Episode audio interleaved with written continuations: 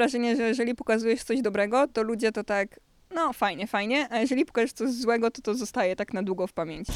Mzungu, stop, stop. Ja taka wkurzona, bo się śpieszę, no ale się zatrzymuję, a typek mówi This road mm, not goody. A właśnie w Afryce, jak już się kogoś spotka, to zazwyczaj ta znajomość zostaje na dłużej. Myślę, że fajnie jest, jeżeli to wynika z jakiejś pasji, ale fajnie też mieć pasję, z której, na której w ogóle się nie zarabia. Ile razy ja byłam na winobraniu? Cztery? Cztery sezony chyba. Pytasz mnie? Tak, ciebie pytam. Cztery. Cztery sezony. Nam te pieniądze głównie przeszkadzały, szczerze mówiąc. O, oczywiście to tylko wydłużyło naszą podróż. Znaczy wydłużyłoby, gdyby nie fakt, że nas okradziono na trasie, bo i tak wszystkie pieniądze straciłam. 13 tysięcy to jest taki chyba konkretny wynik jak na sezon motocyklowy. E, tak, teraz o tym wiem. Co to był za projekt? Boże, jakim ty jesteś ciekawym człowiekiem. Zapraszamy na YouTube'a. Niesamowite rzeczy się dzieją. Znów przybywam z czymś wyjątkowym, e, z podcastem, w którym goszczę Dodo, moją serdeczną koleżankę i jedną z ulubionych twórczyń w internecie. Jej przygody na Instagramie śledzi ponad 120 tysięcy osób, które edukuje, uwrażliwia i którym w takim pozytywnym tego słowa znaczeniu mąci w głowach, pokazując swoje życie poza schematem. A do wprowadzania gości z centrali wracam, bo po pierwsze uważam, że to jednak dobra praktyka, po drugie, ponieważ wracam na YouTube i streamingi po dłuższej chwili, um, spowodowanej tym, że po prostu działo się tyle, że ja nawet Instagrama musiałem pożegnać na chwilę, żeby odnaleźć spokój. Wracam nie tylko z audycją podróżniczą Świat i Ludzie, ale i z tradycyjnymi odcinkami programu Gdzie Bądź, na które już niedługo zaproszę Was z Lofotów czy z Kaszub, gdzie zresztą zarejestrowaliśmy to nagranie. Dzień dobry, z tej strony kapitan Giovanni. Gdzie bądź? Dziś znów zabieram was w podróż i znowu nie jestem sam, bo mam przyjemność gościć Dodo, Dominikę Knitter. Ojejku, zepsułem całą niespodziankę. Czemu?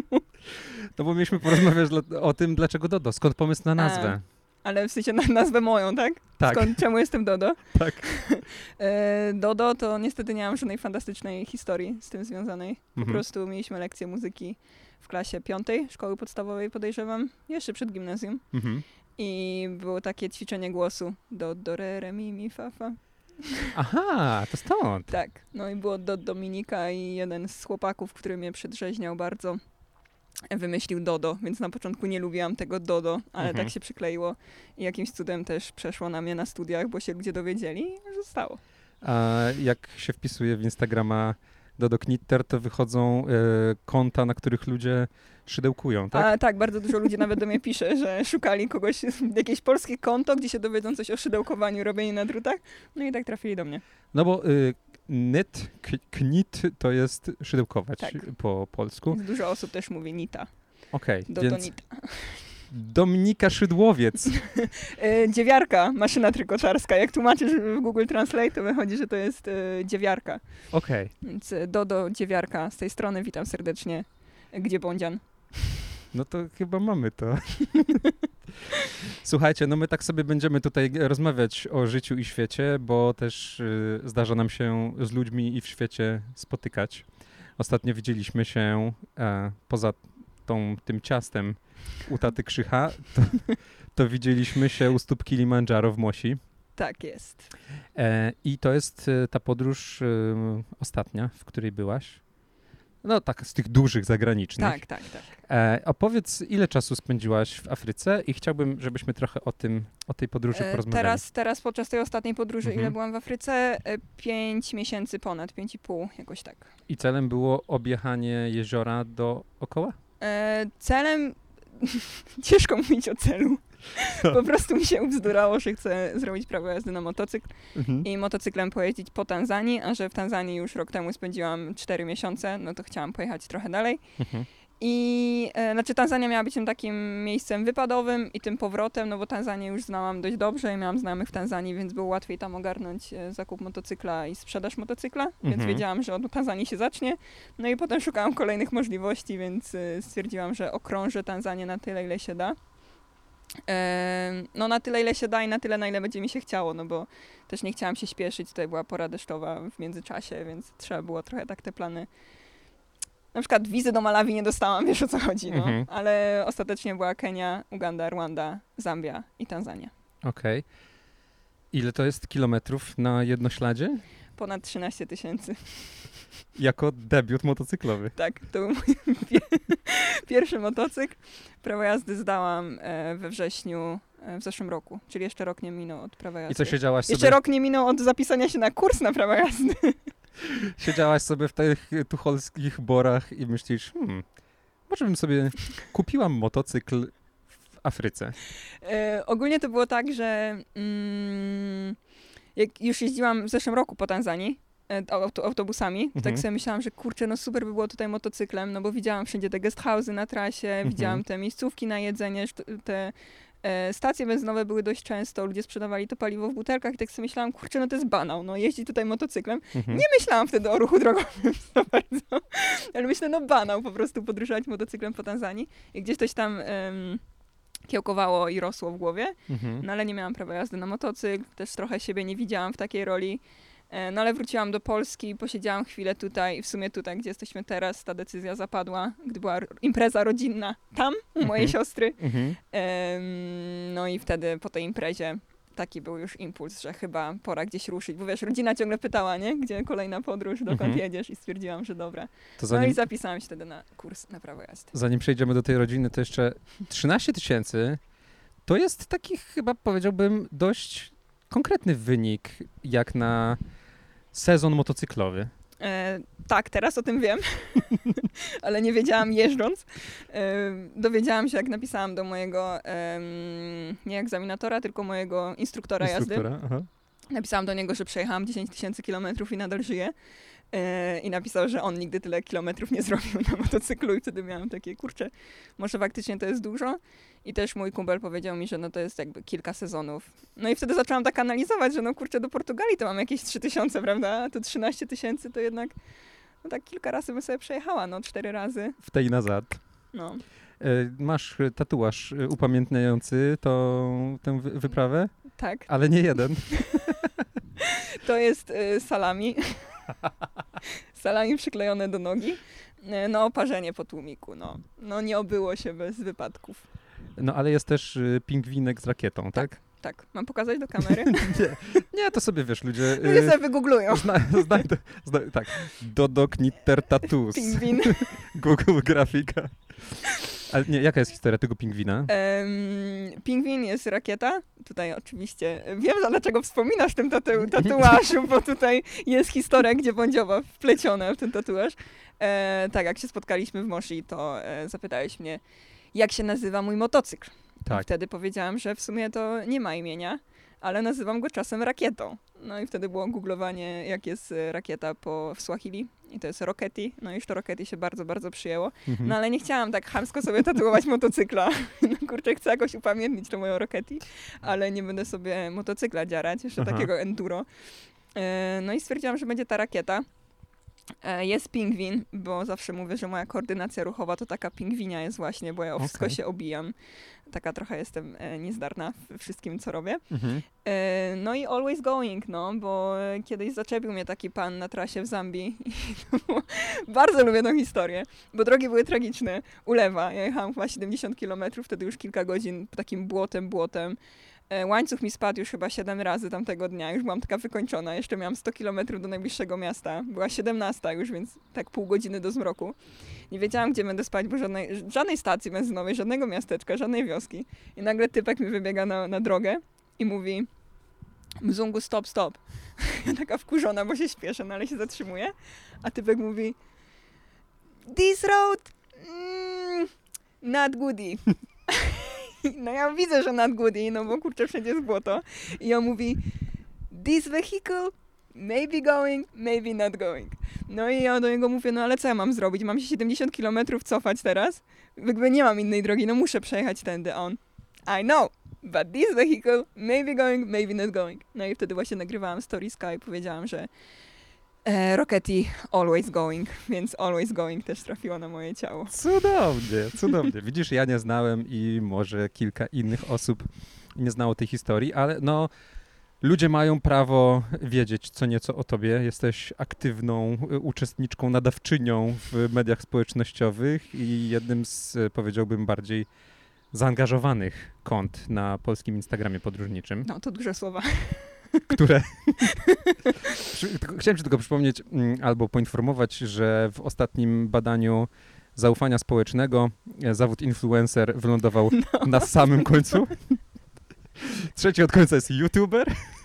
Moje gratulacje, moje gratulacje. Kiedyś ciebie dogonię. Ja jestem jednym i drugim, więc y, efektywnie jestem na drugim miejscu od końca, gdzie tak naprawdę znajduje się działacz partii politycznej. Ja już wolę to ostatnie miejsce jako influencer, wiesz. No, no tak, tak, taką mamy robotę, no. No, ale powiedz, jak, y, jak rozumiesz swoją rolę w internecie? Czy, czy dużo o tym myślisz, czy po prostu o, wrzucam sobie pościki, czy też może czujesz, że nie wiem, inspirujesz y, dziewczyny do tego, żeby troszeczkę inaczej myślały o swoim życiu, o swoich pomysłach na życie? No. O, grubo, nie Ja- szybko. Nie bądź, nigdy tak nie rozmawialiśmy, wiesz. Cięż, Znamy się prywatnie, nigdy mi takiego pytania nie zadałeś ale wcześniej. i ciężkie przejście z pingwina, tak? Tak, ciężkie. Już nagle tutaj vehi- vehicle maybe going. Dobra, this question maybe going, maybe not going. Always Em, going. Always going. A E, właśnie, bo ty always going w, inst w, Instagramie, Tak, w internecie. Always going. No. Ale no tak jak mówisz, czy wrzucam bezmyślnie i bez zastanowienia, to raczej nie, ale też raczej nie zastanawiam się za dużo, bo gdybym, myślę, że gdybym myślała za dużo o tym, co robię w tym internecie i co dodaję, to gdzieś by mm, zniknęła ta naturalność i ta szczerość. Mhm. Ale no wiem, że trzeba być ostrożnym, no jednak jeżeli obserwujecie tam ponad 100 tysięcy osób i no osoby to oglądają, co robisz, to trzeba trochę uważać na słowa i uważać, co się pokazuje, bo jednak ten influence okazuje się być dość konkretny i czasem coś się pokaże i naprawdę dużo osób jakby za tym idzie i tego słucha. Ale Mhm. oczywiście też... O, piesek przyszedł. Ja go nie widziałem, jak mnie przestraszył. Ale to dobrze, Nie że, ma parcie, no. że, że on, on A, Ona. a nie ten zwariowany BDOS, który ujadał tak na mnie Czekaj, cały czas. wezmę ją na ręce. Jejku, jaki nam super aktywny podcast wychodzi. Ludzie, którzy słuchacie tego w aplikacjach podcastowych, ż, ż, pauza i przechodźcie na, Na YouTube'a. YouTube'a. Tutaj się dzieją niesamowite rzeczy dzisiaj. No, nie wiem, co jeszcze na dzisiaj zaplanowałaś, ale E, Nie, no jeżeli chodzi o inspirowanie, to wiadomo, że jakby dla mnie, jak ja o tym myślę, to wiesz, ja mogę rumieńca tutaj zaraz strzelić, nie? Bo to Mhm. są takie duże rzeczy, ale no naprawdę dziewczyny czasem piszą właśnie, że gdzieś tam się odważyły ruszyć w solo podróż, czy nawet zapisać się teraz na to prawo jazdy na motocykl. To bardzo dużo dziewczyn to zrobiło i dla Mhm. mnie to jest zawsze takie super, że wysyłają mi zdjęcia e, swoich egzaminów, że Mhm. zdały, Mhm. albo gdzieś już w trasie. No to jest niesamowite, no ja prawko dopiero co zdałam, a tu już e, no kolejne osoby to robią. No i to jest fajne, no. Babeczki też możemy. No, bo y, ja nawet nie o tym, bo wydawało mi się, że twoja, twoja wypowiedź zmierza ku temu, że jako twórcy podróżniczy działamy, jesteśmy na polu minowym i trzeba uważać na to, co się mówi. I... tak, ale to robi? zdecydowanie tak. To też. Zwłaszcza w Afryce, powiedziałabym. Aha, Po ostatniej, znaczy nie tej podróży, tylko wcześniejszej w Afryce miałam takie wątpliwości, czy jechać raz jeszcze, albo czy jechać i czy to em, pokazywać. mhm. bo bardzo, bardzo trzeba uważać na słowa. I jakby ja rozumiem to, że ktoś może nie zrozumieć, no bo mamy y, inne doświadczenia życiowe, inne słownictwo i nie każdy może gdzieś tam te takie, wiesz, małe rzeczy wyłapać albo właśnie je przekręcić, zrozumieć w inny sposób. I dostawałam dużo takich pretensji, wiesz, takich... ym, no właśnie, ale to wchodziło z takiego niezrozumienia, no, że ktoś mi wciskał właśnie, nie wiem, wybijanie się na biedzie czyjejś, aha. na jakiś neokolonializm i tak dalej. Bo ale z- no wiesz, po prostu bardzo dużo takich rzeczy i gdzieś jakby to były takie przekręcenia moich słów zazwyczaj, więc jeżeli już dyskutowałam z tą osobą, to dochodziliśmy do porozumienia, ale mnóstwo energii na tym traciłam, nie? Że jakby to było tak, że to zajmowało kilka godzin i psuło cały dzień, nie? Że miałam Mhm. czasami takie kurczę, może lepiej niektórych rzeczy nie mówić. No, teraz w tej podróży byłam też bardziej ostrożna. Idź Fibi się wybiegaj. E, Byłam trochę bardziej ostrożna i jakby część z tych em, nawet rozmów takich z ludźmi, których spotkałam, takich bardziej rozmów osobistych gdzieś tam zostawiałam dla siebie i stwierdziłam, że to już zostawię na książki, gdzie, Mhm. gdzie może mogę to bardziej rozwinąć niż tam w krótkim storiesku na Instagramie. Okej. E, To jest w sumie taki trochę efekt uboczny e, podróży i relacjonowania w internecie, ale wiem też, że inny bardzo ciekawy efekt uboczny w Tanzanii, w Tanzanii miałaś, bo te twoje fantastyczne zdjęcia zrobiły z ciebie taką też trochę lokalną ambasadorkę tego kraju i tak, że widziałaś, że ludzie pokazywali ci ciebie Tak, gdzieś na jakichś tanzańskich e, e, e, fanpage'ach. tak, tak, tak, tak. Na tanzańskich fanpage'ach, no jestem na wielu, Aha. bo po prostu gdzieś tam część tych miejsc, które w Tanzanii odwiedziłam, nie są takie turystyczne. No turystyczne jest to Moshi, właśnie Arusha, północ. A gdzieś tam jeździłam pod Mbeję i wchodziłam na te dziwne szczyty i jak oni widzieli te zdjęcia, to wtedy... Słyszysz to? to czy to mój pies się najadł trawę? Zapraszamy na YouTube'a. Niesamowite rzeczy się dzieją. Hej! Jezus Maria, nie wiem czy to słychać, ale robi takie... Słychać, Mę, mę, mę. Myśleliśmy, że to jakaś ogromna żaba. Trawę, bo tak słuchamy, o co chodzi, co to... Dobra, no ale turystyczna jest właśnie ta, ta północ Tanzanii, a ja jeździłam w takie mniej turystyczne miejsca, więc gdy się pojawiały już zdjęcia, na którym była oznaczona ta lokalizacja jakiegoś szczytu Loleza, Mhm. no to już tam te lokalne Instagramy zaczęły to wyłapywać i to udostępniać u siebie, więc to tak szło dość szeroko na takich dużych stronach. No ale na przykład miałam taką sytuację w tym roku, że dojechałam do Mikumi i zaczęły mnie facet i powiedział, że on mnie obserwuje na Instagramie, Tanzańczyk, Mhm. i mówi, że mnie widział rok wcześniej, jak wysiadałam na dworcu autobusowym, ale się wstydził zagadać. I mówi, dobra, no w końcu podejdę po roku. No. W ogóle jaki zbieg okoliczności, że on dwa razy mnie zobaczył na dworcu i mnie rozpoznał. Może no. sprzedaje tam bilety. Może sprzedaje bilety. No ale tak, tak, tak, tak, tak, tak. Y, Czy, czy, czy możemy usłyszeć, tę, usłyszeć tę sekwencję? Ja pamiętam Morogoro. Dalej A. nie pamiętasz? Nie. E, jestem w Morogoro u podnóży gór Uluguru. No teraz zapomniałam, czekaj. Spokojnie, spokojnie. E, jestem w Morogoro u podnóży gór. Nie, czekaj, to mówiłam w innej kolejności chyba. O, jestem w Morogoro u podnóży gór Uluguru nad rzeką Gerengere. Tak, Usłyszeliśmy to. tak jest. Y, wsiadam na moje boda boda, czy nie, na moje piki piki. Piki, piki, boda, boda, dala, dala, pole, pole. To jest, e, to są, poza pole pole, to są określenia y, komunikacji, y, czy środków transportu. Ja się śmieję, że e, w Tanzanii one tak levelują trochę jak Pokemony, że boda boda to jest taki, taki mały motorek, Bokserek, no. bokser. Piki piki to już, tak jak ty miałaś enduro, to, to jest to właśnie, już jest piki, to piki. już jest piki piki. No a dala, Dala, dala, dala, to już jest autobus, to już jest busik. to już można ludzi więcej zabrać No. i ten. A, fajnie, fajnie, fajnie, fajnie, bardzo mi się podoba e, ta opowieść. Dobra, no to jeszcze wróciłbym na chwilę do tego, e, do tego twojego piki-piki, którym to nie dałaś rady wjechać e, na wodospad Materuni i pojechaliśmy tam razem Samochodem. samochodem Innocenta. Ja Tylko to dopiero... był taki problem, bo to mój motocykl wtedy rozwalony. Ja coś miałam z nim, nie wiem co tam było wtedy. Ale on totalnie nie chciał pod górę jechać. To mieliśmy już taki, em, takie ciężkie momenty z podjazdem. Ja dopiero gdzieś tak w połowie drogi się zorientowałem, że Dodo, kiedy proponowała nam wspólny, wspólną wycieczkę na, moto, na wodospad, to powiedziała, że nie dała rady motocyklem. A ja mówię, To pojedźmy autem. to pojedźmy autem, które y, dało radę, ale I nie mm, było autem terenowym. nie było autem terenowym. Ale właśnie w kontekście tego, co mówiłaś, że tak, wiesz, y, działając w internecie trzeba trochę ważyć słowa i jednak y, cała ta opowieść w internecie jest, jest mocno filtrowana. No ja też teraz łapię się na tym, że w sumie A, nie wszystko filmuję, B, nie wszystko pokazuję, no ale tam mieliśmy taką historię, że ten nas, nasz samozwańczy przewodnik y, trochę nas zrobił na kasę, trochę konkretnie zrobił nas na kasę, sprzedając za jakieś chore pieniądze y, mm, piwo bananowe. Tak jest.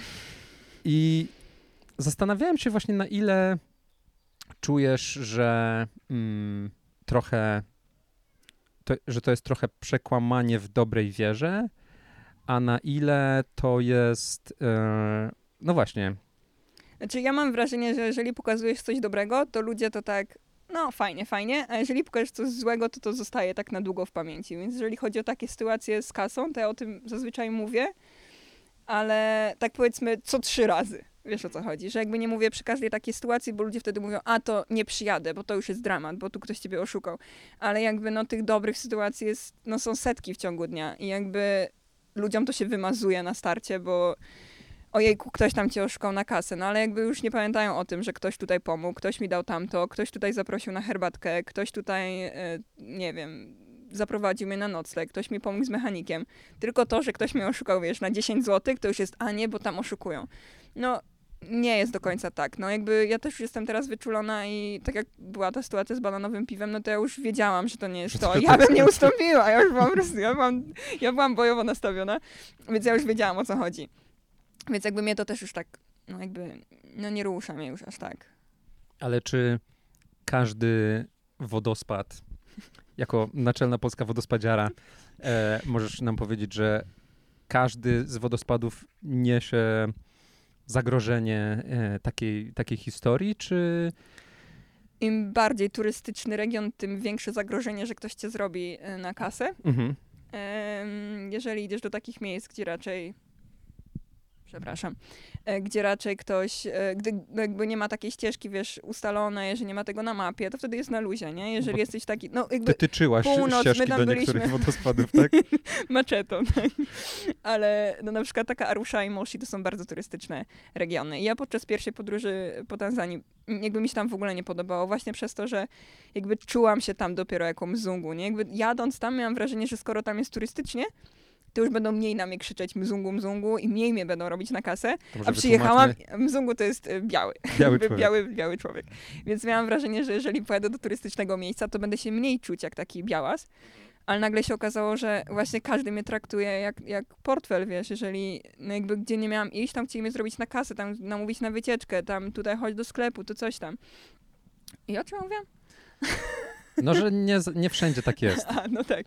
No i nie wszędzie tak jest z tym, z tym naciąganiem na kasę, więc jeżeli jedziesz do takich turystycznych miejsc, jak właśnie Moshi, Arusha, yy, Mwanza pewnie też, Mhm. no, czy Zanzibar, no to no jakby mają te swoje sposoby już, ale jeżeli zostajesz w takich wioskach, to ludzie są naprawdę przyjemni, sympatyczni i czegoś takiego nie zrobią. A ja zrobię teraz e, zwariowany teleport. Przelecimy sobie z Tanzanii do Azji Południowo-Wschodniej, bo Rockety to nie jest pierwsza przygoda na jednośladzie. I Wietnam na przykład e, zwiedzałaś też Tak, w ten na sposób. takim e, motorku, skuterku 50, no. Mhm. 3000 km na 50, polecam. I przypomnij mi, jaka była k- wartość transakcji, kiedy go sprzedawałaś? Karton pomarańczy? Czy to masz na myśli? Tak, mam na myśli karton Tak, pomarańczy. kupiłam go za 500 zł, sprzedałam za karton pomarańczy. W sumie za pół, no bo to był jeszcze Mikołaja, jeden motocykl, to dwa poszły za karton pomarańczy. W sumie to chcieliśmy za kilogram, ale facet był dobry i dał nam karton, który potem Mikołaj zostawił w autobusie, więc... Oh no, nawet nie, nie, nie zjedliście Jedno tych zadanie miał, jedno zadanie, trzymać ten karton i, i ten, no. Mikołaj Sondej jest y, postacią, która przewija się w tym podcaście już po raz kolejny. Tak A jak mówiłeś o tacie, ta, tata Krzysztof tutaj padł na początku w związku z ciastem, wy kurczę, u ciebie zawsze jak jestem na filmie, to się też pojawia tata Krzysztof. Tata Krzychu. No. Tata Krzychu, no. no to powiedz, y, bo tak, Azja, Południowo-Wschod... Azja Południowo-Wschodnia odwiedzona. Y, Tanzania y, to Afryka Wschodnia, czy centralno-wschodnia. Wschodnia, wschodnia. Można, czy można tak powiedzieć. Mm, jakie masz teraz plany i marzenia? Mam kilka pomysłów na wyjazdy. Ja tak jak wiesz, zawsze na zimę uciekam gdzieś na taką długą podróż, więc w Aha. tym roku pewnie to będzie koniec października, początek e, listopada. Głowa mi mówi, żeby zmienić e, w końcu Afrykę na inny kontynent, bo to już Mhm. była moja trzecia zima w Afryce. I tak sobie myślę, że może jednak Azja Środkowa albo Ameryka Południowa, ale jednak moje serce rwie do Afryki, więc nie wiem, czy mi się uda em, ten kierunek zmienić. Powiem tak, w Azji Środkowej od zimy nie uciekniesz No tak, no tak. naszą zimą.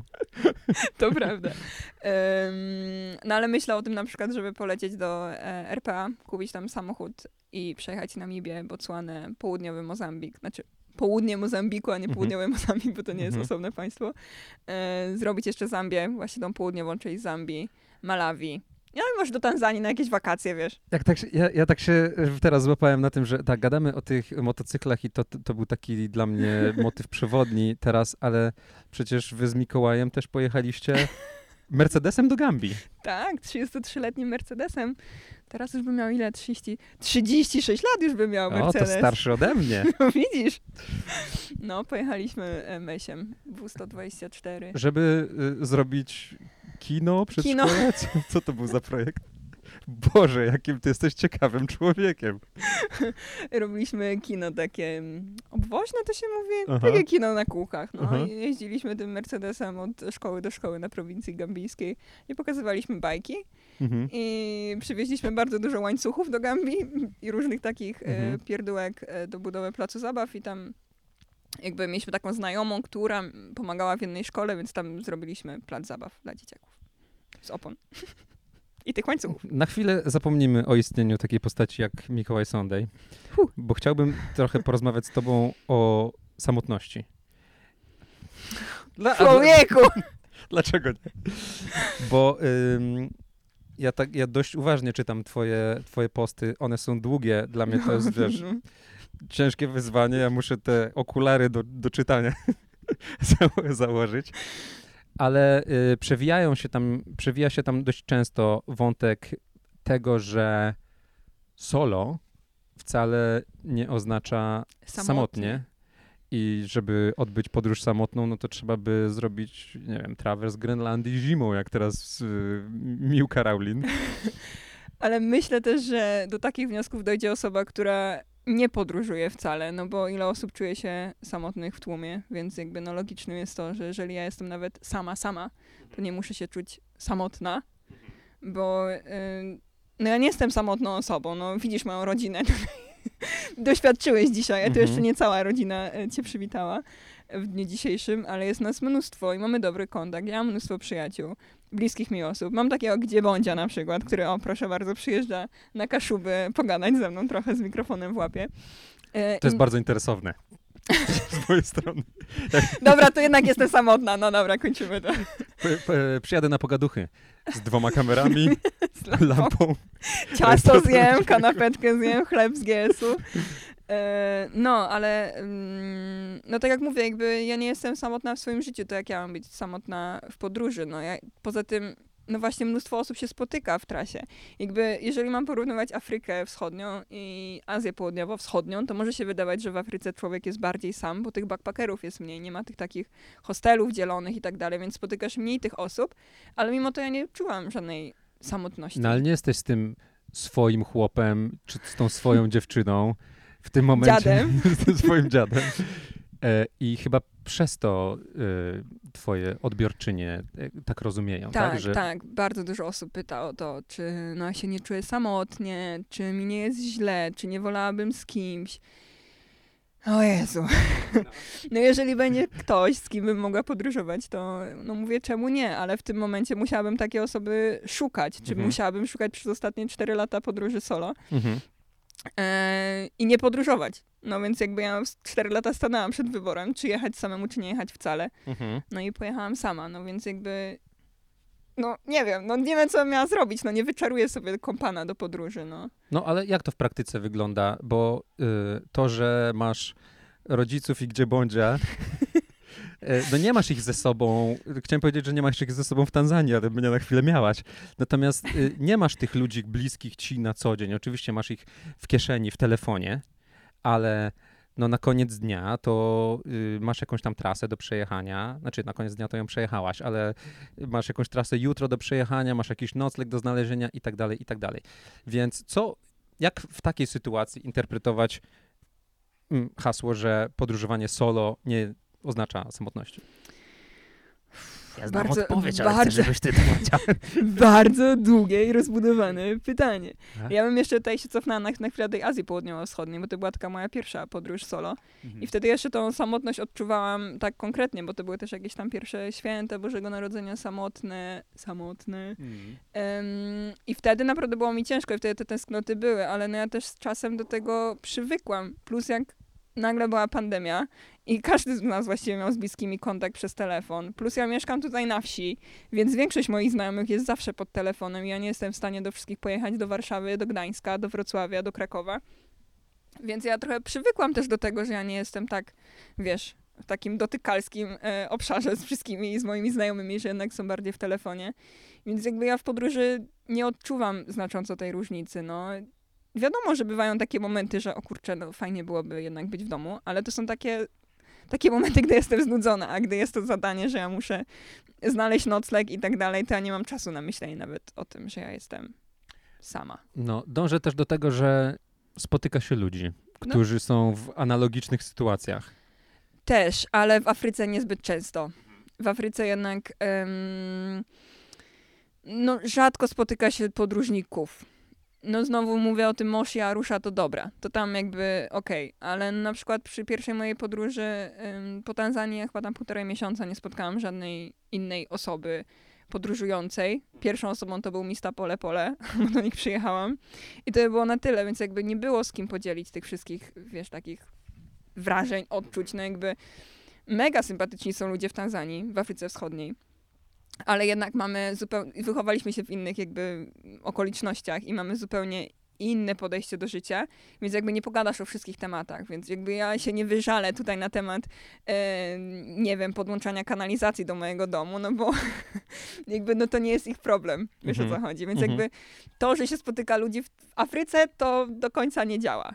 Okej. W, w Azji Południowo-Wschodniej jak najbardziej. Tam masz jakby zawsze kogoś obok siebie, z kim możesz te, e, te wrażenia właśnie podzielić i jakby pogadać o tym, że no słuchaj, tutaj nie ma rodziny, tu coś tam i gdzieś tam to... Tak, w Azji Środkowej, w, No Azji połud- Środkowej. w Azji Południowo-Wschodniej czy w e, Ameryce Środkowej, wiesz, jak tak, jak tak się jedzie od hostelu do hostelu, to wręcz tych takich płaskich rozmów na przedstawienie postaci jest Mhm. tyle, że wręcz powinniśmy chodzić z takimi karteczkami, taki identyfikator i tak podsuwasz podstawowe informacje, No. skąd jestem, ile mam lat, jak długo jestem w podróży i tak dalej. To są te small talki. A właśnie w Afryce, jak już się kogoś spotka, to zazwyczaj ta znajomość zostaje na dłużej. Wiesz o co chodzi? Że jakby w końcu kogoś spotykasz podróżującego i wtedy jest takie gadulstwo i gadasz o wszystkim i się możesz naprawdę zwierzyć. Nie na przykład w Ugandzie spotkałam tego y, Norwega, Norwega, tak, Bragę. W ogóle niesamowity chłopak. 18 lat, miał lecieć do Meksyku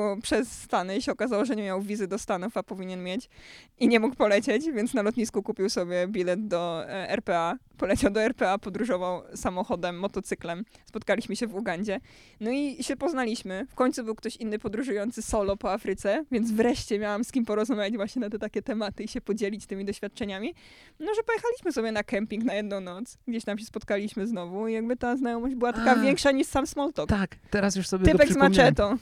Takie długie włosy, no. Maczetę don't text. No, niezły ziomek, niezły.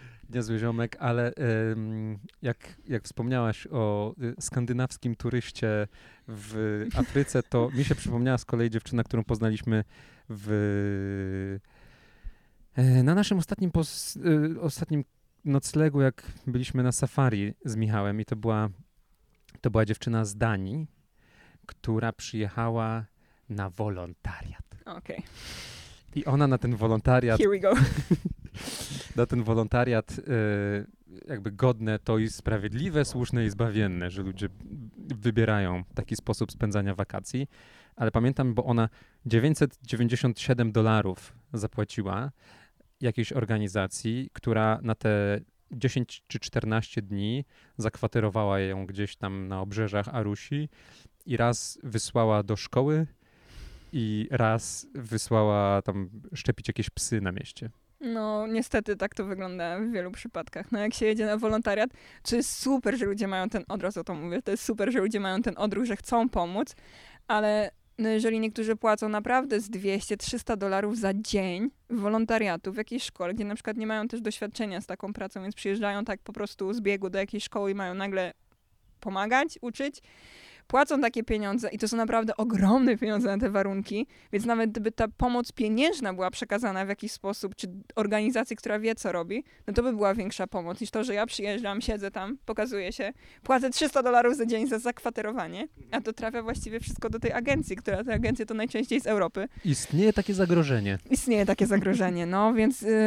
wyczulam, no, ostrożnie z tymi, z tymi organizacjami wszelkimi i tą wolonturystyką, no właśnie. Ja już słyszałam o takich przypadkach, że właśnie wyjeżdżali ludzie na budowanie szkoły, Mhm. płacili właśnie mnóstwo pieniędzy i faktycznie tam, wiesz, przez miesiąc budowali tą szkołę, a po wszystkim szkoła była burzona i przyjeżdżała kolejna ekipa na budowanie szkoły. No dobrze, to trochę się pożaliliśmy na, y, na ten sposób pomocy. Muszę cię wobec tego spytać, Dominiko, jak pomagać? Pomagać, Jak uratować Afrykę? porozmawiać z nimi i ich zapytać, a nie mnie. Mhm. bo e, ja się nie znam. Nawet to, że spędziłam 7 miesięcy w Tanzanii nie, nie uprawnia mnie do tego, żeby mówić, jak im pomagać, bo jestem dalej człowiekiem z brus wybudowań, no, który tu się wychował i który ma swoje problemy z kanalizacją. Nie polecam. Budowanie domu to ogromne wyzwanie, więc ja nie wiem, jak pomagać. Rozmawiać z osobami, które się na tym znają, z organizacjami, e, które są zaangażowane w pracę i pomoc w Afryce od dawna. I na pewno nie rozdawać dzieciakom niczego na ulicy, nie robić takich rzeczy na własną rękę, rozmawiać z ludźmi, którzy są na miejscu i pytać. Pamiętam, jak mój e, serdeczny przyjaciel, Tazańczyk, Mhm. powiedział, że nikt go tak nie wkurza jak em, biali ludzie mówiący, że w Afryce to jest bieda, bo dzieci chodzą na boso. Bo mówi, ja miałem buty. Mówi, ja miałem te cholerne buty, ale z, z rodzeństwem wyrzucaliśmy te buty, albo je chowaliśmy, bo nie chcieliśmy w nich chodzić, bo nam było wygodniej i mogliśmy się lepiej wspinać po drzewach. Mogliśmy sobie biegać po kałużach, gdzie chcieliśmy tylko i rodzice na nas nie krzyczeli, że tych butów nie nosimy. I mi zawsze było szkoda tych dzieci w Europie, że one muszą w tych butach chodzić niewygodnych, a mi było dobrze. I mówi, że go tak to irytuje, że właśnie ludzie mówią, że oj, bo tych bucików nie mają. No, mówi, Mm. wszy- no wiadomo, że są osoby, które tych butów nie mają. No nie, nie będę teraz mówić, że każdy w Afryce, każdego stać, wiesz, na najnowsze bucia, buty albo Na cokolwiek. Mon- Monclery. No, na przykład. Ale jednak e, nie można tego tak, wiesz, generalizować, mówić, że każdy w Afryce bez butów e, jest biedny i on na przykład właśnie o tym, o tym zawsze wspominał, że go po prostu mu ciśnienie skacze, jak ktoś coś takiego mówi, albo że trzeba buciki do e, Afryki przywozić. A on mówi, widzicie, ma nasze targi pełne butów? My mamy buty. My mamy buty i to są najczęściej śmieci z tej waszej Europy przywiezione do nas. Mhm. Więc jeżeli chcecie już kupować dla kogoś buty, to kupcie je u nas, no i wesprzyjcie też sprzedawcę. Mhm. E, no, to jest w ogóle bardzo ciekawe, bo my tymi naszymi butami z podeszwą i z, z pianki EVA i z, z czym tam bądź, e, no to izolujemy się od tego, co tak naprawdę jest naszym naturalnym, e, co jest naturalnym przeznaczeniem naszej stopy. Dokładnie Czyli- tak. od ziemi, trawki. I ja czasami wrzucam, e, zachę, zachęcam wszystkich fetyszystów stóp na mojego Instagrama, bo czasami wrzucam, jak sobie e, spaceruję boso po lesie i, i jest tak, ojej, a, a, a kleszcze, a mrówki, a nie boisz się? A patyczek ci wejdzie między paluszki? tak. Tak ale No, no tak to wygląda. No i ja bym właśnie tej Afryki i całego tego pomagania w Afryce mm, nie opierała na naszym myśleniu europejskim. Bo Mhm. jakby to, że my sobie tutaj tak żyjemy, no to jest to nasze życie, okej? I jakby nie musimy tego wciskać na cały świat. Jakby podróżowanie po Tanzanii mi tak uświadomiło, że, no, że właśnie nikt z nas nie ma racji. Jakby żaden sposób na życie nie jest, nie jest perfekcyjny i nie jest idealny dla każdego. No. Jakby jeżeli mm, ja nie widzę na przykład osoby z Tanzanii, która miałaby żyć w naszym europejskim pędzie. mhm. I nie wciskajmy im tego. Jakby nie starajmy się tego wcisnąć, bo też ile osób u nas nie jest zadowolonych z tego życia, jeżeli o tym pomyślisz. Jakby No. tego, jak pędzimy, jak ile musimy pracować, ile z tego mamy. Chyba, że pędzimy bimber. O, na przykład. No ale ile mamy, czemu mamy w takim razie ten styl życia wciskać innym osobom według naszego, jakichś naszych przyzwyczajeń? Żeby no. inni mieli Tak samo jak źle. my. Nie może być tak, że... Chodź w tych butach niewygodnych, Tak. no. Chodzi, w tych, chodzi bez butów i cały dzień bimba. Tak, a później widzisz te dzieciaki, które wracają ze szkoły z motyką, bo mają podw- y, ten y, ogródek przy szkole do ogarnięcia. cały czas drżę o to, że ten, o, my rozmawialiśmy o europocentryzmie, cały czas drżę o to, że ten kadr jest taki gdziepsocentryczny, bo ja jestem skierowany tak, że moją twarz widać i boję A się, ja że, tak, że widać tylko twój, widać tylko twój nos. Dobrze, ja będę patrzeć w takim A ta, teraz. na- a to, ta kamera, która jest na ciebie, w ciebie wycelowana, y, chyba już y, kończy, kończy swój żywot. Y, Dominiko, ty jesteś osobą wyjątkowo młodą. Mm, myślę, że nie byłoby to biologicznie możliwe, żebym był twoim ojcem, ale ile miałaś lat, kiedy zaczęłaś wyjeżdżać za granicę? Em, 18. Pierwszy raz byłam za granicą mając 18 lat. Autostopem jechałam wtedy do Portugalii. Autostopem do Portugalii, mając lat 18. Pierwszy wyjazd zagraniczny. Y, jak wyglądał pitch do, do taty Krzycha i mamy Mirki, żeby zgodzili się na coś takiego? I powiem Wszak ci, że gówniara... ja nie wiem, ja naprawdę nie wiem, jakby nie mam pojęcia, jak to wyglądało, ale ostatnio, bo ja ogólnie jestem takim chomikiem, nie? Ja wszystko tak chomikuję sobie, wszystkie karteczki, liściki i tak dalej i Mhm. ostatnio znalazłam taki Jesteś liścik, Zodiakalnym chomikiem. tak, z zodiakalnym chomikiem i ostatnio znalazłam taki liścik napisany do mamy Mirki. Mama Mirka to żona taty Krzycha. Moja mama, nie mi, żadnego Mirosława mama, mama Mirosława to jej imię. Zachęcamy do rozrysowania drzewa genealogicznego po tej rozmowie. No i na, znalazłam ten list napisany do mamy Mirki i był narysowany ten taki kotek ze Shreka, nie? Ten taki z tymi oczkami takimi. I było tylko, mama, ja pojechałam nad jezioro z Magdą, ale mam do ciebie pytanie, czy mogę jechać autostopem do Zamościa. Miałam wtedy 17 lat i napisałam tylko tak, nie, zakreś prawidłowe. było takie zakreślone tak. O, Czyli tak się mama zgodziła. I ja naprawdę nie pamiętałam o czymś takim. I teraz jak myślę o tym wyjeździe do Portugalii, ja nie wiem, ja wiem, że bardzo długo o tym rozmawiałam z rodzicami, w sensie, że mówiłam, że bym chciała, jak już będę mieć te 18 lat, żeby wyjechać do Portugalii, zobaczyć ocean, to było takie moje marzenie. Em, więc jakoś myślę, że nie było takiego jednego dnia, kiedy ja musiałam ich, wiesz, zapytać i powiedzieć, słuchajcie, jadę do Portugalii, bo mam wrażenie, że ten temat po prostu jakoś tak Istniał był wałkowany od dwóch lat, no możliwe. Aha. E, No i potem było takie no, oczekiwanie na tą osiemnastkę, na odebranie dowodu. Osiemnastka była pod koniec maja, już na początku, miesiąc później, na początku lipca już jechałyśmy z Magdą do Portugalii. I skąd gówniaro miałaś pieniądze na takie, na takie wojaże? Na tamtą podróż ze stypendium naukowego. I to było, uwaga, Poczekaj. i to było, uwaga, 100 euro Ale to na jest... miesiąc. Ja bym się bardziej, szybciej bym się spodziewał, że nie wiem, wygrałaś kurde u Bukmachera. Stypendium naukowe to jest ostatnio o co ci podejrzewałem. 50 zł miesięcznie, człowieku. Plus były jakieś 5 dych na, y, napiwków. Kieszonkowego, od rodziców napiwków nie dostawałam. Kieszonkowego, no i się odkładało wszystko, no. Wiadomo, że wtedy już były imprezki, imprezki, bo to było liceum, tak. Ja chodziłam bardzo dużo na koncerty przeróżne. Ale no to było cały czas gdzieś tam chomikowanie, odkładanie tej kasy. Mama, pamiętam, dała chyba 20, 10 euro. 10 albo 20 euro i powiedziała, że mamy sobie coś ciepłego chociaż kupić do jedzenia na trasie. O, oczywiście to tylko wydłużyło naszą podróż. Znaczy wydłużyłoby, gdyby nie fakt, że nas okradziono na trasie, bo i tak wszystkie pieniądze straciłam. Te odkładane, wiesz, złotówka po złotówce. Wszystko przypadło. Przypomniałaś mi tę uroczą inżynierię finansową świeżo upieczonego doroślaka, No. który, wiesz, lat 18 i tak, o, mam już 72 zł. Za te 72 zł to ja mogę sobie życie na nowo ułożyć. Nie? no. I pamię- Wiesz, pamiętam, jak stówę się dostało na przykład od, na urodziny od jakiejś, wiesz, babci czy coś, to to jest, stuwa. ja na tym przeżyję pół roku. No przecież to jest tyle imprez. No.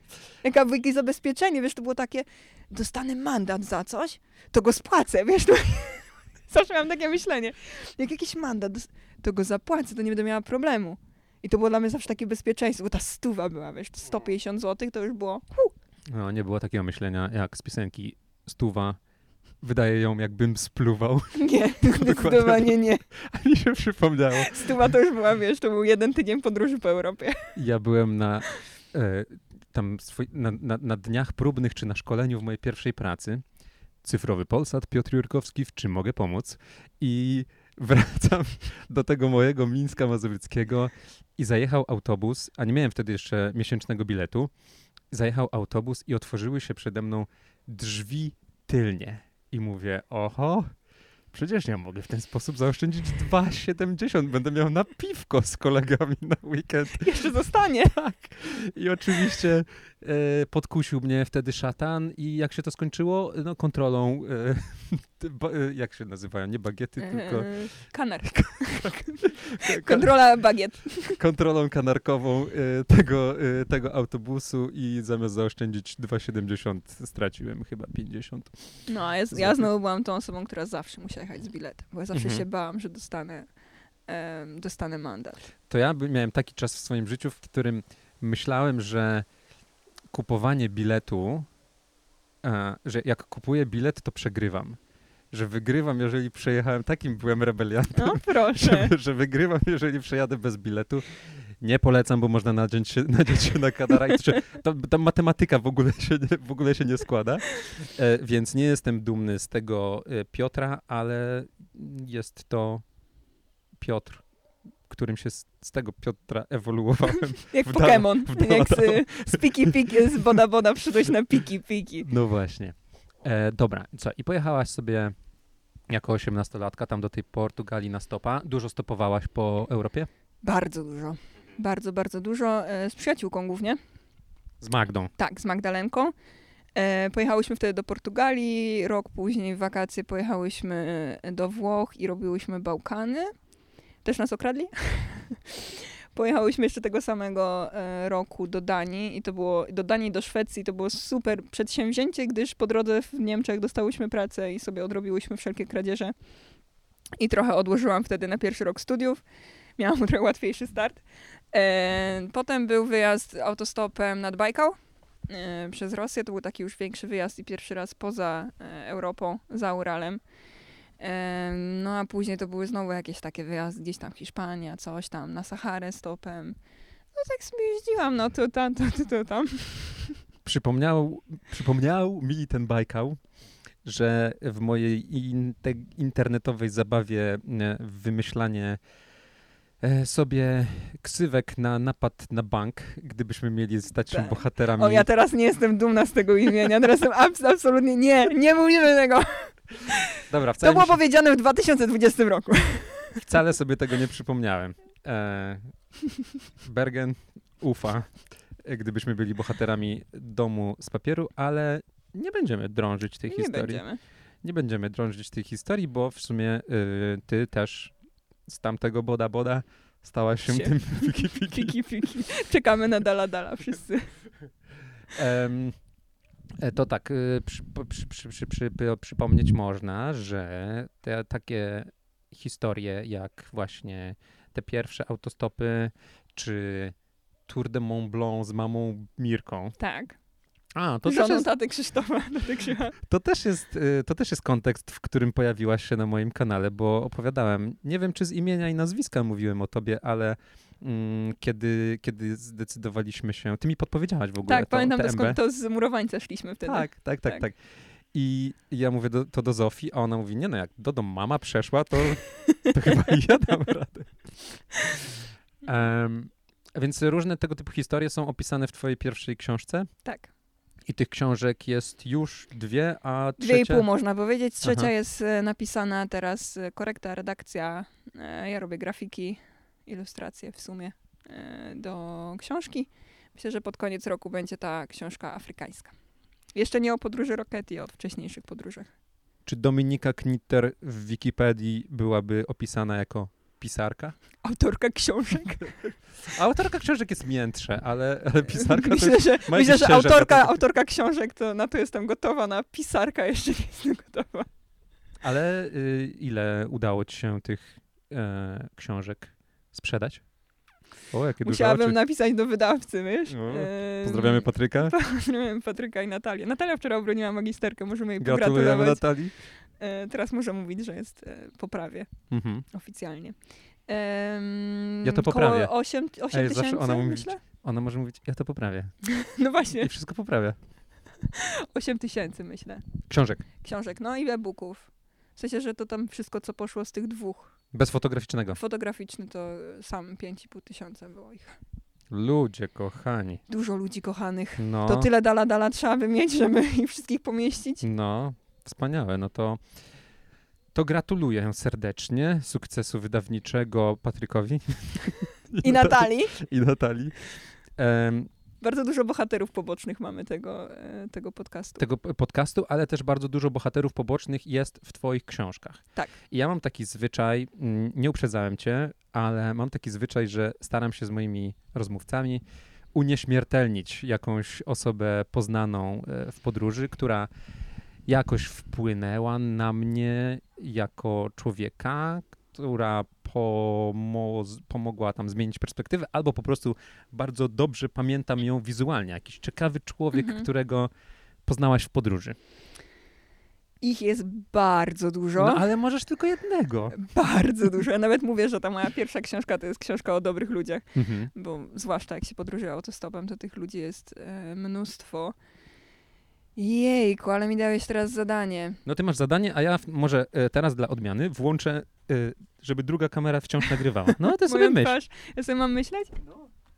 A mam mówić, jak już wymyślę, czy... czekaj, czekaj. Hmm. Mi chyba... Mm, taka pierwsza osoba, która mi przyszła do głowy, to jest O na, nią chodzi. na pewno papa. E, papa milioner, ja na niego tak mówię. Aha. To był człowiek, który e, wziął mnie na stopa i Magdę w Grecji. Miał podwieźć nas kawałek, a jak się dowiedział, że chcemy jechać do Ukrainy, to zapytał, czy może z nami. I spędziliśmy razem tydzień, jadąc przez e, Bułgarię, Rumunię, do Ukrainy. W Ukrainie stwierdził, że zawiezie nas do Polski. Człowiek, który był naprawdę bogatym człowiekiem, o czym na początku nie wiedziałyśmy. Starszy facet, gentleman, totalnie. Miał swoje zasady takie konkretne zawsze. Tylko nie potrafił, nie potrafił podróżować. Miał mnóstwo pieniędzy, a nie wiedział, jak cokolwiek zorganizować. Zawsze chciał pojechać w road tripa. Mówi, że ludzi nie znosi, bo e, wszyscy tylko na jego kasę czekają. A mówi, no a co z wami? Wy i tak byście pojechały. Wy mnie nie potrzebujecie, więc bądźmy po prostu teamem. Więc jakby my organizowałyśmy wszystko, ustalałyśmy trasę, ja prowadziłam. On sobie siedział wygodniutko. Niesamowity człowiek. Zaprzyjaźniliśmy się. Balu król. No po prostu jeszcze jakby, e, no jakby on miał też sporo takich nowych doświadczeń z nami, że my tak starałyśmy się mu pokazać też to nasze takie bardziej studenckie życie. Więc gdzieś tam w Ukrainie poszliśmy do shisha baru, to pierwszy raz sziszę palił. Potem umówiliśmy się na tatuaż, gdzie niestety nie zdążyliśmy na ten tatuaż, bo gdzieś tam się auto rozwaliło na trasie. No jakby staraliśmy się mu pokazywać przeróżne rzeczy. Chcieliśmy go namówić na kemping, bo już miałyśmy dość tych takich, wiesz, apartamentów, apartamentów, my chciałyśmy takiej przygody. No to się nie zgodził, ale gdzieś tam poszliśmy na jakąś taką ugodę i ym, w Lwowie skorzystaliśmy z takiego tańszego hostelu. No to mówił, że to jest Alcatraz, ale, ale przeżył to. Ale no facet po 60. Y, My go nazywałyśmy tatą zawsze, żeby nie było takich głupich domysłów gdzieś tam w restauracjach czy w barach i tak dalej, więc zawsze mówiliśmy, że jesteśmy jego córkami. No E, tak, no bo to jest sponsoring. no to był taki sponsoring, no, ale właśnie on to tak bardzo lubił, że to było tak na zasadzie bardziej e, współpracowej, że on by nie dał rady bez nas, a my byśmy dały rady bez jego kasy, wiesz o co chodzi, że my po prostu musiałyśmy wszystko tam zorganizować, wymyślić. Przesympatyczny człowiek, naprawdę zaprzyjaźniliśmy się tak konkretnie, no dowiózł nas do tej Polski, co się napłakaliśmy przy rozstaniu, to chyba z nikim tyle nie płakałam, po prostu y, się żegnając na trasie. Jesteśmy też w ciągłym kontakcie, on wrócił do Australii i mówi, że najbardziej w życiu żałuje, że nas wtedy w podróż dookoła świata nie zabrał ale, ale czasami na przykład dzwoni, jak jest na imprezie i pokazuje tylko na wideo, nie? I pokazuje jakichś mi facetów i mówi musiałem zadzwonić, bo mi nie wierzyli, że my w tą podróż ruszyliśmy. Więc wiesz, to minęły, minęło pięć lat, Mhm. myślę o tej podróży i dla niego to jest nadal takie ogromne wspomnienie. Ten tydzień road tripa do Ukrainy, wiesz. Dla nas to było takie... No takie nic, no, no jechałyśmy do tej Ukrainy, no już byłyśmy tam, no jakby byłyśmy i w Rumunii i byłyśmy i w Bułgarii, I to też był ta- dla was trochę kompromis, no bo musiałyście podróżować inaczej niż same byście Tak, zdecydowały. my byłyśmy znudzone tak po trzech dniach, myślę. Że Mhm. to było takie zbyt bezpieczne, wiesz o co chodzi, że to było takie... Myślę, że to też nam dało bardzo... Jakby to była lekcja dla nas obu, bo on zobaczył, że... Jakby chyba...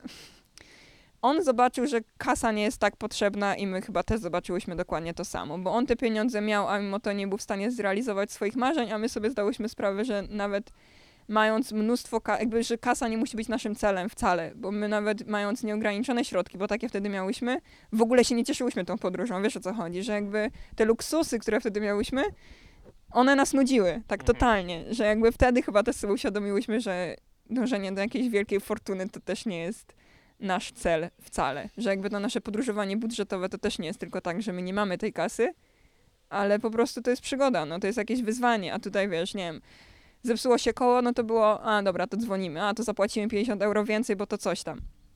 No i to wszystko szło tak łatwiutko, Mhm. ale przez to nie było tej takiej adrenalinki, wiesz, takiej przygody, nie? Tego szukania noclegu, tego gotowania chociażby w trasie, no bo wszędzie, a daj do restauracji. Tutaj nie sprawdzam cen, bo to sobie mogę kupić. I dla nas to było takie okropnie nudne, wiesz, że my go prosiłyśmy, weźmy, no jedźmy tutaj, nie wiem, bez nawigacji, albo jedźmy na kemping, a on nie chciał, wiesz. Ten hostel na koniec to było takie, wow. Już, okej. Wow, no ale facet był przerażony, mówi Alcatraz. No ale, ale, ale to była niesamowita przygoda. Jakby takie mieliśmy lekcje od siebie nawzajem, myślę. Bardzo ciekawe unieśmiertelnienie. Przyznaję, że nie czytałem y, tego fragmentu twojej książki. Otworzyłem rozdział dania. O, Okazało się, że nie ma tam żadnego przepisu. I mówię, nie no, co to jest za debilna książka. a ty szukasz tutaj, wiesz, przepisu na kanapkę z chipsami czy coś. Tak jest. Cholera. Czy na polskie chipsi ma jaj? Nie, ale papa to był taki... to była też taka historia, którą ja nie lubię opowiadać na Instagramie. Właśnie ona jest taka... no, głupie komentarze się pojawiały też czasem. Jeżeli na przykład docierał ktoś z jakiegoś artykułu do tej historii, to zawsze było takie, a pojechała z jakimś bogatym typem. A to nie było w ogóle w ten sposób. Jakby nam te pieniądze głównie przeszkadzały, szczerze mówiąc, jego. Poczekaj, poczekaj na tytuł tego podcastu. Pojechała z bogatym milionerem. Podróżowanie ze sponsorem wcale nie jest takie super. Bez nudno. To jest w ogóle taki spoiled kid w ogóle, taki No. bananowiec teraz jestem. Mhm. Pieniądze, podróżowanie z kasą to jest nuda, wiesz. To, tak zabrzmiałam w tym momencie. No, ale widocznie, No tak było, no. widocznie tak jest. Tak było. E, A myślę, że najfajniej, kiedy ta kasa jest efektem ubocznym pasji. Mm, do pewnego stopnia. Mm. Myślę, że, proszę. E... Oddech. E, rozwin, proszę. Ja też się. E, znaczy, myślę, że fajnie jest, jeżeli to wynika z jakiejś pasji, ale fajnie też mieć pasję, z której, na której w ogóle się nie zarabia. Żeby nie wszystko monetyzować. Żeby mieć coś, co jest po prostu czystą rozrywką. Czy Instagram podróżniczy Dodo Knitter już jest tym, o czym myślisz? W sensie, o czym mówisz? Znaczy, no Instagram wiadomo, że jest zmonetyzowany w, No. w stopniu dużym, bo, bo jakby to jest główne moje źródło zarobku teraz, czy sprzedaję książki, no to Mhm. wszystko idzie przez Instagram. Ale na przykład fajnie mieć taką pasję swoją jeszcze tak na boczku, wiesz o co chodzi, że na przykład dla mnie to jest rysowanie. Mhm. Ja kiedyś rysowałam zarobkowo, no ale jakby całkowicie się od tego odcięłam, no bo chcę rysować i mieć to tylko dla siebie i nie robić tego już dla kasy, ale po prostu sobie usiąść i porysować. Fakt, że mam te ilustracje w książce, ale no nie musiałyby być, no. Miałem kiedyś takiego znajomego, znaczy pewnie wciąż go mam, ale nawet nie pamiętam jak się nazywa. On był, y, jest, prawdopodobnie wciąż żyje, y, instruktorem e, a, personalnym? Fitness, takim fitness Coś trenerem istnieje, personalnym. tak? istnieje taki, taki, taki, taki zawód. Na pewno jest wyżej na tej liście, o której mówiłeś, niż influencer. I on na przykład tak się żalił, że no bo on miał takich grubych, y, nie, nie, nie, nie wizualnie, nie fizycznie, ale takich właśnie bardzo bogatych, y, bogatych klientów gdzieś w jakimś wypasionym fitness studio na Wilanowie.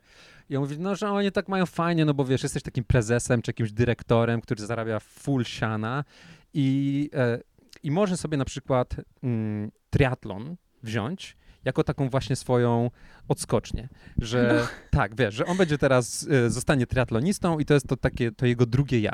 Tymczasem on, jako trener fitness, nie może pójść w triatlon, bo to jest jakby zbyt blisko jego i, teraz co ja mam zacząć grać na saksofonie? Ale to jest właśnie to, o, tym, o czym mówię, nie? Że jakby trzeba znaleźć coś całkiem pobocznego, bo ja No. nawet sobie wybiorę co? Chodzenie po górę? No jest- nie, to jest wciąż w jest- ramach tego uniwersum. Mhm. Tak, no. Więc jakby, no rysowanie okej. Poszło gdzieś tam boczkiem. Więc to Słuchaj. jest, to jest ta moja rozrywka teraz. Pogadaliśmy trochę o y, przybranym papie, a pisałaś taką ostatnio fajną rzecz y, o mamie, która stwierdziła, y, tam jak rozmawiali, rozmawiałyście o tych twoich wojażach, czy ktoś spytał, że do, do, a jak to tam twoi rodzice reagują na to i że jak oni ci na to pozwalają, chociaż masz prawie 26 40 lat. Słuchaj, 26, to masz teraz bliżej do 50 niż z własnych narodzin, nie? To jest brutalna Dobra, nie, nie, matematyka. nie chciałam tego usłyszeć. To jest brutalna matematyka. Dziękuję bardzo. Ile ty masz lat, przepraszam? Ja jestem bliżej em, siedemdziesiątki niż własnych narodzin. Prawie. Nie, jeszcze jestem bliżej e, narodzin niż siedemdziesiątki. Ale e, tam było coś takiego, że mama Mama twierdzi, e, stwierdziła, że ona oczywiście martwi się i denerwuje, kiedy ciebie nie ma na y, widoku, na horyzoncie, ale woli, żeby nie było ciebie i żebyś była szczęśliwa, niż miałabyś się tutaj kisić i męczyć i być nieszczęśliwa na miejscu. Dokładnie tak powiedziała. I temu towarzyszy też takie przemyślenie, które u ciebie przeczytałem, gdzie dziewczyny pytają, a skąd ty bierzesz taką siłę i, i odwagę, żeby żyć w taki sposób, a ty to odbiłaś mówiąc, a skąd ktoś bierze odwagę na to, żeby żyć nie swoim życiem. Tak, powiedziałam. I chciałbym, żebyś rozwinęła te dwie myśli, jak nie kończyła na tak powiedziałam. Ym, No ale no, ja myślę, że nawet to jest to takie krótkie zdanie, że właśnie mieć odwagę do swojego życia, a mieć odwagę do nieżycia swoim życiem, to już No. wiele mówi, bo mi właśnie brak tej odwagi do tego, żeby, nie wiem, skupić się na chociażby budowaniu kariery, siedzeniu w Polsce i nie wiem na czym, na robieniu czego. Bo tak mi mówi system i tak robi każdy. I ja wolę żyć tak. A ty nie chcesz mieć butów. I nie chcę mieć butów, no. Ale nie no, można żyć bezpiecznie. Ale na przykład to bezpieczeństwo, bo no, nie da się ukryć, no to co ja robię to nie jest jakiś szczyt bezpieczeństwa i stabilizacji życiowej jednak. E, I można by żyć bezpiecznie, ale to bezpieczeństwo by mi w ogóle nie dało szczęścia, więc ja no, nie jestem w stanie poświęcić swojego szczęścia dla bezpieczeństwa i stabilizacji. Nie mam odwagi do tego. I tak jak moja mama mówi, ja siedzę tutaj w Polsce i dobra, mi tu nie jest źle. Ja nie mam Mhm. złego życia będąc w Polsce, to nie jest tak. No, jesteśmy na budowie mojego malutkiego domku i e, Do domku. do domku i jestem przeszczęśliwa, że mam możliwość budować swój dom, że mam tutaj rodzinę, że jest pięć... jesteś taka Judytka. No jest taka judytka, no, że jest tutaj pięcioro bąbelków, nie moich. Pasuje mi to. Że mam dobry kontakt z rodziną, że mam tutaj super znajomych i tak dalej. Ale to nie daje mi tej, wiesz, tej takiej satysfakcji życiowej. No ja muszę wyjeżdżać i muszę i muszę to robić. I na przykład moi rodzice widzą czasami, że cieszą się, że przyjeżdżam. I ja też się cieszę. Teraz nie minął jeszcze miesiąc od powrotu, więc jeszcze jestem taka pełna energii i się cieszę, że wszystko jest takie zorganizowane i tak dalej. Ale no minie miesiąc, dwa, oni też zobaczą, że ja już zaczynam gasnąć po prostu. Mhm. Że już stracę tą taką e, radość z bycia tutaj. Będę musiała gdzieś wyjechać i się naładować znowu tą taką podróżniczą energią. I rodzice zazwyczaj wtedy też już mówią, że słuchaj, no nie możemy się doczekać, aż wyjedziesz, no bo, Mhm. no bo widzą, że mi to Brakuje nie sprawia ci radości. do dopaminy. No to dopaminy mi brakuje. No. Ten pseudonim jest fantastyczny, stwierdzam, naprawdę. Tak. Tak, do dopaminy mi brakuje i, ym, i ja też bardzo doceniam to, że rodzice zawsze są tacy bardziej wypychający niż blokujący mnie. Mhm. To jest y, duży przywilej też. Rodzice odpychający. Polecam do Dogniter. Za długo już rozmawiamy, wiesz, wszystko mi się już miesza w głowie. Nie no, będziemy, będziemy y, zmierzać w kierunku brzegu, chociaż e, super się gada i ja też e, bardzo doceniam takie komentarze, które ludzie piszą, że właśnie w tym formacie nie staram się silić na podcast i jakiś, wiesz, wydum, wydumany scenariusz. E, próbuję sobie teraz odwinąć, co zapisałem w mojej notatce, w notatce na rozmowę do Dodo, a, z Dodo, ale przecież zostawiłem tam telefon. Wiem, jest jeszcze jeden wątek, mm, który chciałem z tobą poruszyć, ale strasznie się cieszę, że tak właśnie sobie Tak sobie rozmawiamy. pływamy, tak, że po prostu upublicznione pogaduchy. Audycja podróżnicza, świat i ludzie. E, kilka z twoich podróży autostopem e, to były podróże, podróże do Francji Tak. No, na winobranie. A tak. I to jest taka paskudna robota, wycieńczająca, absolutnie dewastująca fizycznie. Yy, łamie później człowieka w krzyżu, musi chodzić do yy, masażysty, do fizjoterapeuty. Od Z roku na rok ciężej. z roku na rok coraz ciężej, a mimo wszystko wracasz po ten wpierdol i jakby jak jakaś jak jakaś e, sadomasochistka. Masochistka. Co jest takiego magicznego w winobraniu? Oj, tu jest bardzo dużo magicznych rzeczy dla mnie i wiem, że nie każdy e, podzieli to zdanie, bo znam osoby, które mówią, że to jest właśnie taki, taka tragiczna robota. Ale ile razy ja byłam na winobraniu? Cztery? Cztery sezony chyba. Pytasz mnie? Tak, ciebie pytam. Cztery. Cztery, sezony, no. Ym, I dla mnie to są przede wszystkim ludzie, którzy są przeróżni, naprawdę to są takie... Nie dość, że to jest międzynarodowe towarzystwo, tam gdzie jeżdżę zazwyczaj, i Włosi, i ludzie z Australii nawet, ze Stanów, z Meksyku, z Francji, z Niemiec, z Austrii, naprawdę to jest takie bardzo wymieszane towarzystwo. Zajmujemy się różnymi rzeczami w swoim życiu. Niektórzy przyjeżdżają, bo to jest główne, główne źródło zarobku, to jest praca sezonowa, czyli właśnie o, tam powiedzmy od marca do października zbierają owoce we Francji i potem gdzieś tam mają wakacje. Inni przyjeżdżają tak jak ja, bardziej dla, dla no wiadomo, też dla zarobku, ale też dla e, fanu. A ile czasu trwa takie zlecenie? No to zależy od y, winiarni. Y, tam, gdzie ja jeżdżę, to jest tak 8-10 dni zazwyczaj. No i wtedy zazwyczaj z znajomymi jeździmy gdzieś dalej szukać pracy. no i to tak. Ludzie, wino.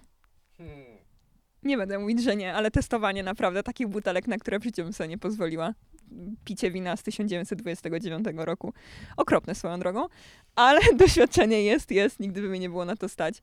Więc też dowiadywanie się o czymś nowym. E, Tam, gdzie ja jeżdżę, to też jest takie bardzo, takie tradycyjnie podchodzi się do tego winobrania, więc to jest niesamowity klimat w całej wiosce. Gdzieś tam jest to świętowanie z wszystkimi mieszkańcami. Jest naprawdę niesamowite. I ja myślę, że też takie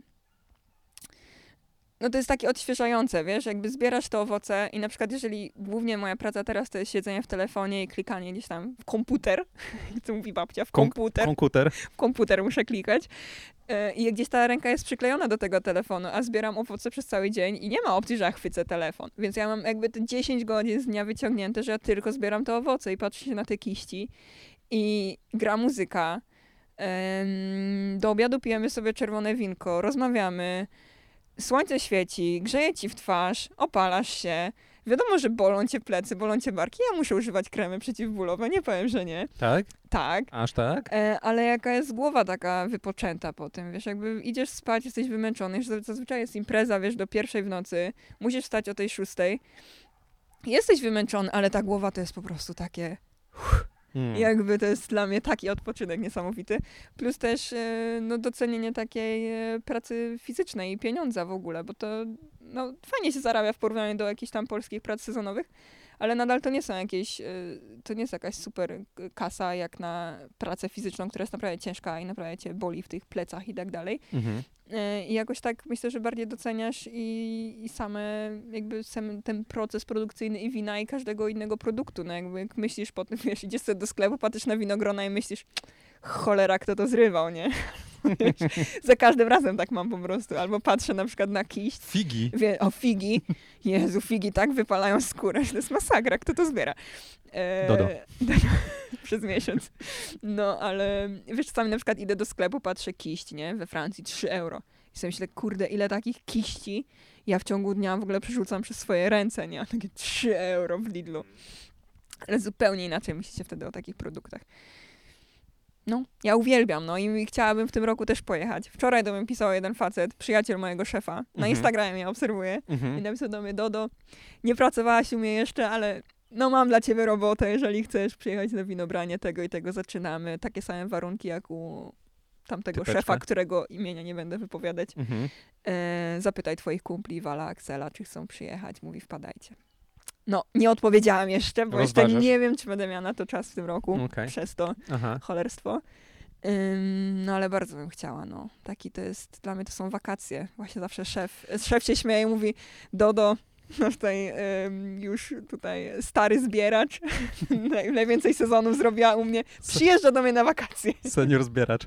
Ale tak, jak, jak, jak o tym opowiadasz, to, to jest to jakby kompletnie wpisuje się w ideę takiego katarzis, nie? Że to jest oczyszczające cierpienie, które Tak. przez to, że nie masz, y, nie masz y, jakby przestrzeni na to, żeby robić cokolwiek innego i trochę też te myśli zająć Mhm. czym innym. Jakby normalnie nie masz na co dzień czasu, żeby usiąść i przez 10 godzin myśleć o swoim życiu. No masz? No nie, no zrobisz coś, albo coś cię rozkojarzy, no chwycisz ten telefon, obejrzysz Netflixa, cokolwiek.